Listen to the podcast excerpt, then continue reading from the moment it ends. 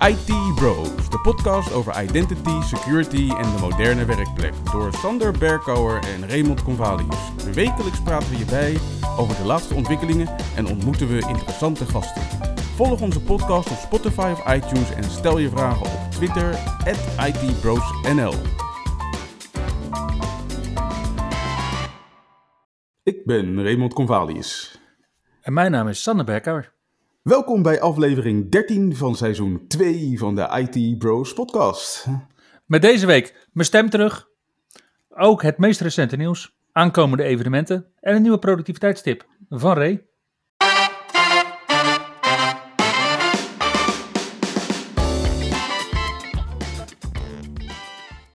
En zoals altijd beginnen we met het nieuws over Windows. Ja, deze week was het uh, tijd voor een volgende C-release.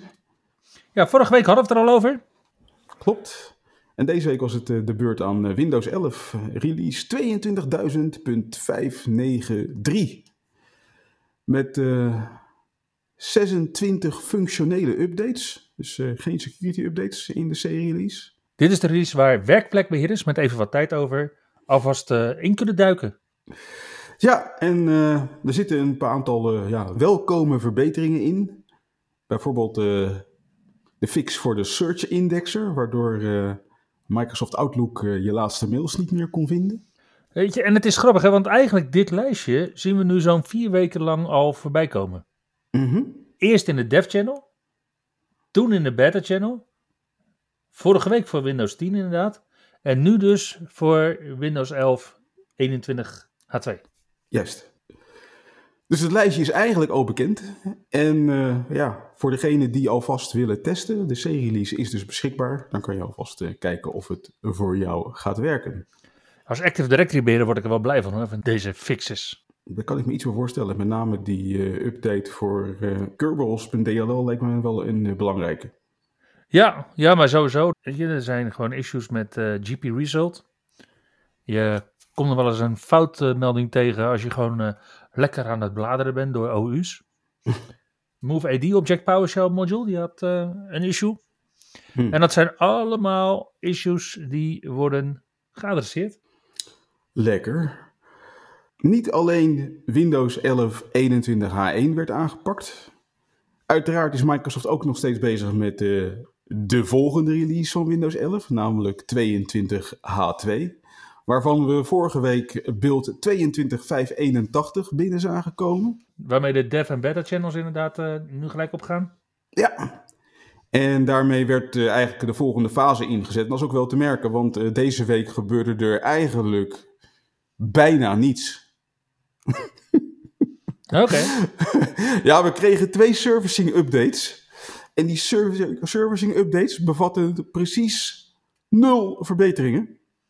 Want dit waren gewoon uh, tests om te kijken of de servicing pipelines het goed doen van Microsoft voor de volgende release. Ja, nou dat uh, ziet er allemaal goed uit. En dan lijkt het dus alsof alle stoplichten op groen staan. Daar lijkt het wel op, ja. Zeker als je dan bedenkt dat ze deze week niet eens een nieuwe insider preview build hebben uitgebracht. Hmm. Zou het bijna klaar zijn? Ja, zou 22581 dan de beeld zijn voor Sun Valley 2? De nickel release. Wie weet, we gaan het zien. Ondertussen gebeurde er ook nog wat anders nieuws op het Windows-front. Namelijk, uh, Microsoft heeft zich bedacht als het gaat over uh, het kunnen wisselen van je default browser in Windows 11. Er was eens uh, een tijd terug zo'n rel over, want in Windows 10 kon je dus in één keer van browser wisselen. Mm -hmm. En in Windows 11 vonden ze het nodig dat je dat ging doen per webprotocol. Nou, daar hebben ze een hoop commentaar op gekregen. Daar hebben een aantal browserontwikkelaars ook workarounds toen voor bedacht. Die Microsoft toen weer ongedaan ging maken en zo. Dat werd een beetje een vervelend kat-en-muisspelletje. Ja, ja. En nu hebben ze zich bij Microsoft toch bedacht. En hebben ze bedacht, ja, laten we toch maar weer gewoon één item maken om in één keer van browser te wisselen. Dus vanaf nu met KB 5011563 hoef je niet meer per webprotocol te wisselen van browser, maar kan je in één keer zeggen: mijn default browser wordt die andere browser. hey, en dat is dus de C-release. dat is inderdaad de C-release waar die in zit. Dat had ik zelf nog niet gezien tijdens het, uh, het uitwerken van mijn aantekeningen. Goeie. Ja, zo worden we dus allebei helemaal blij van die C-release. Inderdaad. Nou, en daarmee is het nieuws voor uh, Windows nog niet voorbij, want ook Windows Defender krijgt een, uh, een updateje. Zo werd van de week bekendgemaakt door David Weston. Mm -hmm. Dwizzle op Twitter. Inderdaad. Dat is de Vice President of Enterprise and OS Security van Microsoft. Die aangeeft dat Windows Defender nu wordt voorzien van de Vulnerable Driver Blocklist. Waarmee dus ook malafide drivers effectief moeten worden tegengehouden door Microsoft Defender. Ja, maar dat gebeurt eigenlijk steeds meer hè. Windows is natuurlijk een tijd geleden naar een model gegaan voor 64-bit drivers. Dat die inderdaad digitaal ondertekend moesten zijn. Mm -hmm. En wat je nu dus ziet is dat nu ook drivers inderdaad keurig netjes digitaal ondertekend worden, maar met gestolen of gecompromitteerde certificaten. Ja, dus nu heb je gewoon uh, getekende malware. Getekende, ja, gewoon keurig netjes getekende malware. Maar goed, die update komt uh, beschikbaar dus voor, uh, voor Windows 10, Windows 11, Windows Server 2016 en alles wat nieuwer is dan dat. Cool. Dat is een mooie verbetering. Inderdaad. En dan werd van de week ook nog duidelijk dat er iets stuk is gegaan in Windows waarvan ik bijna was vergeten dat het er nog in zat. Namelijk de Windows 7 Recovery App. Zou je denken Windows 7 Recovery App, wie gebruikt er nog Windows 7? Maar dit is de app uit Windows 7 waarmee je een recovery image kon maken om vervolgens je PC uit een backup te kunnen restoren. Het blijkt dat sinds de update van 11 januari dit jaar die recovery disks het gewoon niet meer doen. En eh, dan zou je denken, ja, de Windows 7 Recovery App, die is niet meer. Nou ja, die zat dus ook gewoon in Windows 11 nog steeds. En ook in, Windows 10 met alle versies nieuwer dan versie 16.07. Ja, dus die code die zit inderdaad ook nog in de nieuwe. Want ja, wat ik dan ook lees is dat Microsoft werkt aan een oplossing. Dan denk ik, Microsoft werkt aan een oplossing van een systeem wat ze sinds 14 januari 2020, al twee jaar, niet meer ondersteunen. Ja, als die code inderdaad nog voortleeft in de andere besturingssystemen, dan is het wel zaak om dat inderdaad wel aan te pakken. En dan is het misschien ook nog wel makkelijk aan te pakken in Windows 7. Ja, het schijnt dat nog één op de acht machines op het internet nog Windows 7 draait. Hè? Jeetje, ja, ik kom het gelukkig niet meer tegen. Nee, gelukkig bij mijn klanten ook niet. Maar goed, als je het goed bekijkt, dan uh, was die update van uh, afgelopen januari voor Windows geen succes. Er ging een hoop stuk in januari en dit is dus blijkbaar ook stuk gegaan. Alleen daar komen we pas een paar maanden later achter. Ja. Ja, omdat je, niet iets is wat je inderdaad uh, dagelijks gebruikt. Zoals de main-controller bijvoorbeeld, die je dan spontaan gaat herstarten. Precies. Ja, welkom in januari. Inderdaad. Uh, afgelopen week was het ook goed raak voor uh, Chrome. Mm -hmm. Met name Google Chrome. Maar het blijkt dat zowel Chrome en Edge zijn geraakt door een kwetsbaarheid met uh, CVE nummer 2022-1096 die ervoor kan zorgen dat je browser naar het schijnt volledig kan worden overgenomen. De bug bevindt zich in de JavaScript engine hmm. en heeft geleid tot nieuwe versies van de Google Chrome en alle van Chromium afgeleide browsers. Dus ook Edge heeft een update gehad.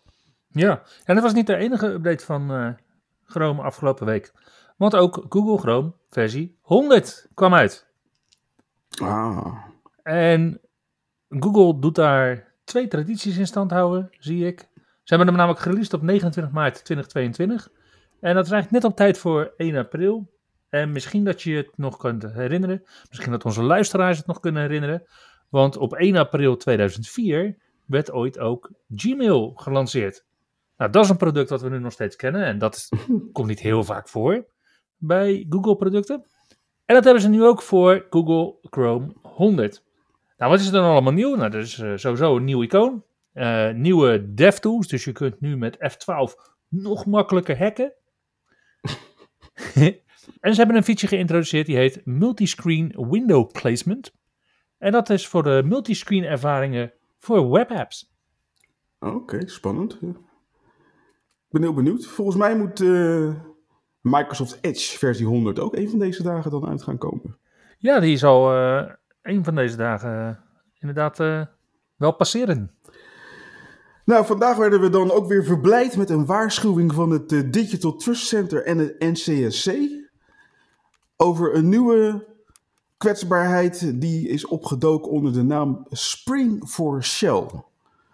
Dit blijkt een ontdekking te zijn geweest van Rapid 7 in het Spring Core Framework van Java. Dat is een framework dat ontwikkeld is door Spring.io en dat is weer een onderdeel van VMware. Spring Core Framework zit ingebouwd in veel Java software, een beetje vergelijkbaar met in de tijd uh, Log4j. Niet, niet toen de tijd Log4j. Gast, dat ligt nog hartstikke vers in het geheugen. Ja, oké. maar goed, het is in ieder geval een vergelijkbare case, want ook deze code blijkt dus te zijn ingebakken in allerlei andere software. Ja. Vooralsnog zegt eh, Spring.io dat de impact nog wel eens kan meevallen, omdat alleen gebruikers getroffen zijn die gebruik maken van JDK 9 of hoger, in combinatie met Apache Tomcat. Hmm. In ieder geval, inmiddels hebben ze een bugfix uitgebracht in de vorm van versie 5.3.18 en 5.2.20. Maar volgens Rapid 7 wordt dit lek al actief misbruikt, maar daar zijn nog geen concrete aanwijzingen voor gevonden. Of nog geen concrete slachtoffers. Precies. Dus vooralsnog is het even uh, ja, zaak om uh, scherp te blijven op Spring for Shell als een van de volgende uh, grote issues rond Java. Ook Apple bracht deze week een reeks beveiligingsupdates uit voor iPhones, iPads en Macs. Er blijken namelijk uh, twee zero-day kwetsbaarheden te zijn gevonden. Namelijk CVE 2022-22674 en 22675. De eerste is in de Intel Graphics Driver. En de tweede in de Apple AVD Media Decoder. En beide stellen ze een kwaadwillende in staat om code uit te voeren met kernelrechten. Zo. Ja, dus dat is wel een, uh, een dingetje. Apple heeft iOS versie 15.4.1, iPadOS 15.4.1 en macOS Monterey 12.3.1 uitgebracht. Waarbij met behulp van inputvalidatie deze problemen worden opgeplost. Oké. Okay. Drukke week geweest voor Apple dan. En dit is de vijfde Zero Day die dus gepatcht wordt door Apple dit jaar. Oké. Okay. Dus het is, uh, het is al een tijdje druk bij Apple. Ja, dat blijkt wel. Waar ze het volgens mij ook best wel druk hebben gehad de afgelopen tijd is bij Western Digital als het gaat over de MyCloud-apparaten. Als ik me niet vergis, is daar een tijdje terug ook een hoop ellende mee geweest. Ja, als ik me niet, als ik me niet vergis, was Windows ook een tijdje geleden lek. nou ja, goed, dat, dat fenomeen ondervinden ze dan bij Western Digital ook met de MyCloud NAS-apparaten. Daar schijnt een uh, lek te zijn ontdekt in Samba VFS Fruit VFS module. Onder CVE nummer 2021-44142. Ja, ik vind het een gevaarlijke kwetsbaarheid, want het stelt kwaadwillenden in staat om zonder dat ze geauthenticeerd of geautoriseerd te zijn, uh, zonder eigenlijk veel, zonder al te veel moeite te hoeven doen, gewoon ja, MyCloud apparaten te kunnen compromitteren. En het enige wat die MyCloud-apparaten daarvoor hoeven te doen, is eigenlijk een kwetsbare versie te draaien. Mm -hmm, okay. Met standaard instellingen zijn die apparaten kwetsbaar. Maar Western Digital heeft nu aangegeven, nou, je kan in ieder geval ook die Fruit VFS-module, die kun je ook verwijderen. Dat is dan de, de workaround. En mm -hmm. wat je ook kan doen, uh, is natuurlijk gewoon de software updaten. En dan ga je naar MyCloud OS 5, firmware 5.21.104. En die is uitgebracht op 23 maart. Oké. Okay. Ik meen me te herinneren van de vorige keer dat de, de MyCloud-apparaten in het nieuws waren. Dat er nogal wat gebruikers zijn van dit soort apparaten die nooit updaten. Ja. En daar zit natuurlijk wel gewoon uh, de catch bij uh, dit soort kwetsbaarheden. Ja, dat is natuurlijk ook de reden waarom we het wel over de Western Digital MyCloud-apparaten hebben deze week. Maar niet over de Sophos-apparaten die ook kwetsbaar blijken. Maar bij de Sophos-apparaten is het zo dat de standaard instelling is dat je automatisch je updates installeert. Ja, dan hoef je het daar eigenlijk niet over te hebben. Precies. Dan, uh, de kans is een stuk groter dat je uh, uh, niet blijft zitten met een kwetsbaar apparaat waarvan je niet doorhebt dat het helemaal mis is. Ja. Wie ook niet doorhad dat het helemaal misging, dat waren de beheerders van de game Axie Infinity. Die werden van de week geconfronteerd met een eh, cryptodiefstal van, eh, schrik niet, 600 miljoen dollar uit hun eh, blockchain-netwerk Ronin. Het blijkt namelijk dat de hackers een eh, private key hadden bemachtigd van personen die binnen dat netwerk transacties mogen goedkeuren. Ja, ja dan, ben je, dan ben je af. Ja, en deze game waarbinnen dus eh, uitgebreid met NFT's wordt gehandeld en dus grote hoeveelheden Ethereum rondgaan. Ja, die, eh, die zijn dus nu bezig om te achterhalen wat er gebeurt met die 600 miljoen dollar. Want die schijnt dus in de wallet te zijn verdwenen van een crimineel. Mhm. En, en daar nog niet uit te zijn gehaald. En men hoopt dus door die wallet in de gaten te houden erachter te kunnen komen. Of in ieder geval dat geld op een dag terug te kunnen halen. Ik help het zo hopen. Ja, het zijn tactieken die in het verleden wel eh, goed hebben gewerkt. Om druk te zetten op de kwaadwillenden. Ik kan me herinneren dat men in de tijd inderdaad ooit eh, crypto eh, terug heeft gehaald. Die was gestolen. Ja. Gaan we zien of het deze keer ook gaat lukken. Ja, wie weet. Nou ja, afgelopen week in het nieuws was natuurlijk eh, Lapsus Dollar. En ja, de nieuwtjes rondom Lapsus, die zijn de wereld nog niet uit. Hè? Want zo werden we deze week verblijd met het nieuws dat deze groep hackers onder andere Apple en Facebook eh, zou hebben misleid. Mhm. Om met vervalste noodgegevensverzoeken informatie boven te krijgen over waarschijnlijk hun hacking targets. Daarnaast gaat het gerucht dat de hack van Okta mede zou zijn ontstaan door een spreadsheet bij de toeleverancier Citel van Okta, vol met wachtwoorden. Maar Citel ontkent dat zij een dergelijke spreadsheet hebben gehad. Hmm. Ja, Okta heeft in ieder geval wel inmiddels excuses gemaakt op de manier waarop het op de hack heeft gereageerd. En ondertussen komen ook al meer slachtoffers van Lapsus Dollar naar voren, waaronder Globant. En zij hebben het alleen recht op 70 gig aan gegevens verloren. En Lapsus Dollar heeft daar een kopie van bemachtigd en heeft dat gepubliceerd. Ja, en het gerucht is nog steeds dat Lapsus Dollar dus bestierd wordt door een 16-jarige tiener uit de UK. Yep.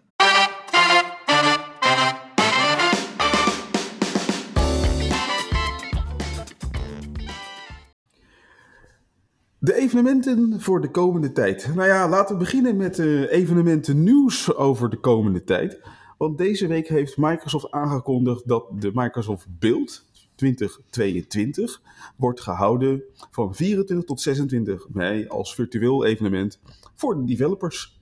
Ja, en daarmee hebben onze Belgische luisteraars toch wel een uitdaging. Want op die data vindt namelijk ook het uh, Tekorama-evenement plaats. Wat een evenement is met niet alleen IT-pro-sprekers, maar ook met best wel wat ontwikkelaar-gerelateerde sessies. Je zou dan toch moeten kiezen, denk ik. Lastig, oké. Okay. Gelukkig heeft Microsoft ook meteen de data bekendgemaakt voor het partner-event Inspire. En dat zal dit jaar plaatsvinden op 12 en 13 juli. Is er al nieuws over een Ignite? Um, nee, helaas nog niet. Er is uh, dit voorjaar helaas geen Ignite. Hij wordt wel verwacht in november. En het is nog volkomen duister of dit een uh, virtueel event, een fysiek event of een hybride event gaat worden. Ik hoop toch echt dat we weer mogen afreizen naar de United States. Ja, ja, je ziet nu ook dat bijvoorbeeld Wimon ook halverwege mei. Zij gaan inderdaad naar een hybride evenement. Waardoor je dus inderdaad mensen hebt, uh, zowel op het evenement zelf als mensen die inderdaad uh, via een uh, verbinding meegenieten. En dan komen we bij de evenementen voor volgende week. En dan gaan we even beginnen met een shameless plug. ja, want wij hebben het druk, mensen. Ja, inderdaad. Op maandag 4 april mogen we zelf aftrappen namelijk. Vanaf 8 uur s avonds uh, zijn wij te beluisteren via IT University. Waar wij een uh, presentatie gaan houden over Windows Hello for Business in hybride omgevingen. In de sessie focussen Ray en ik vooral over hoe het onder de motorkap werkt. Want we horen nog vaak zat dat mensen denken dat Azure AD Joint devices helemaal geen naadloze toegang hebben tot on-premises applicaties, systemen of diensten. Terwijl dat wel gewoon het geval kan zijn. Ook gewoon met Windows Hello for Business. Ja. Op dinsdag is het dan weer tijd voor de Workplace Ninjas, die om 4 uur aftrappen met een Ask Us Anything about Microsoft Defender for Endpoint Security Management met Dan Levy. Ja, die staan ook eigenlijk weer tegenover ons geprogrammeerd. Maar ja, dat is een evenement wat wij zo'n beetje voor KNVI-leden draaien op 5 april in uh, het Zalmhuis in Rotterdam. Een fysiek evenement waar we het hebben over de impact van Windows 11 op jouw organisatie. Op dinsdag 5 april staat uh, Panos Panay zo ongeveer tegenover ons te presenteren. In een sessie die heet Windows Powers the Future of Hybrid Work. Dit is een sessie waar best wel uh, naar wordt uitgekeken. En waarin de verwachting is dat Microsoft een aantal nieuwe features in Windows gaat uh, aankondigen. Oké. En op uh, donderdag 7 april is er dan ook een fysieke mogelijkheid om samen te komen. Dan vindt namelijk de DEFCON Holland Meetup plaats. En dat is een meetup voor ja, eigenlijk Nederlandse hackers. In een Nederlandse bar. Gewoon na werk of uh, school. Waar je ja, leuke sprekers tegen het lijf kunt lopen. Oldschool spellen kunt spelen. En als je echt te veel bier en bitterballen in je mik hebt. Zelfs kunt karaoke. En dat alles bij Tech Noir in Rotterdam.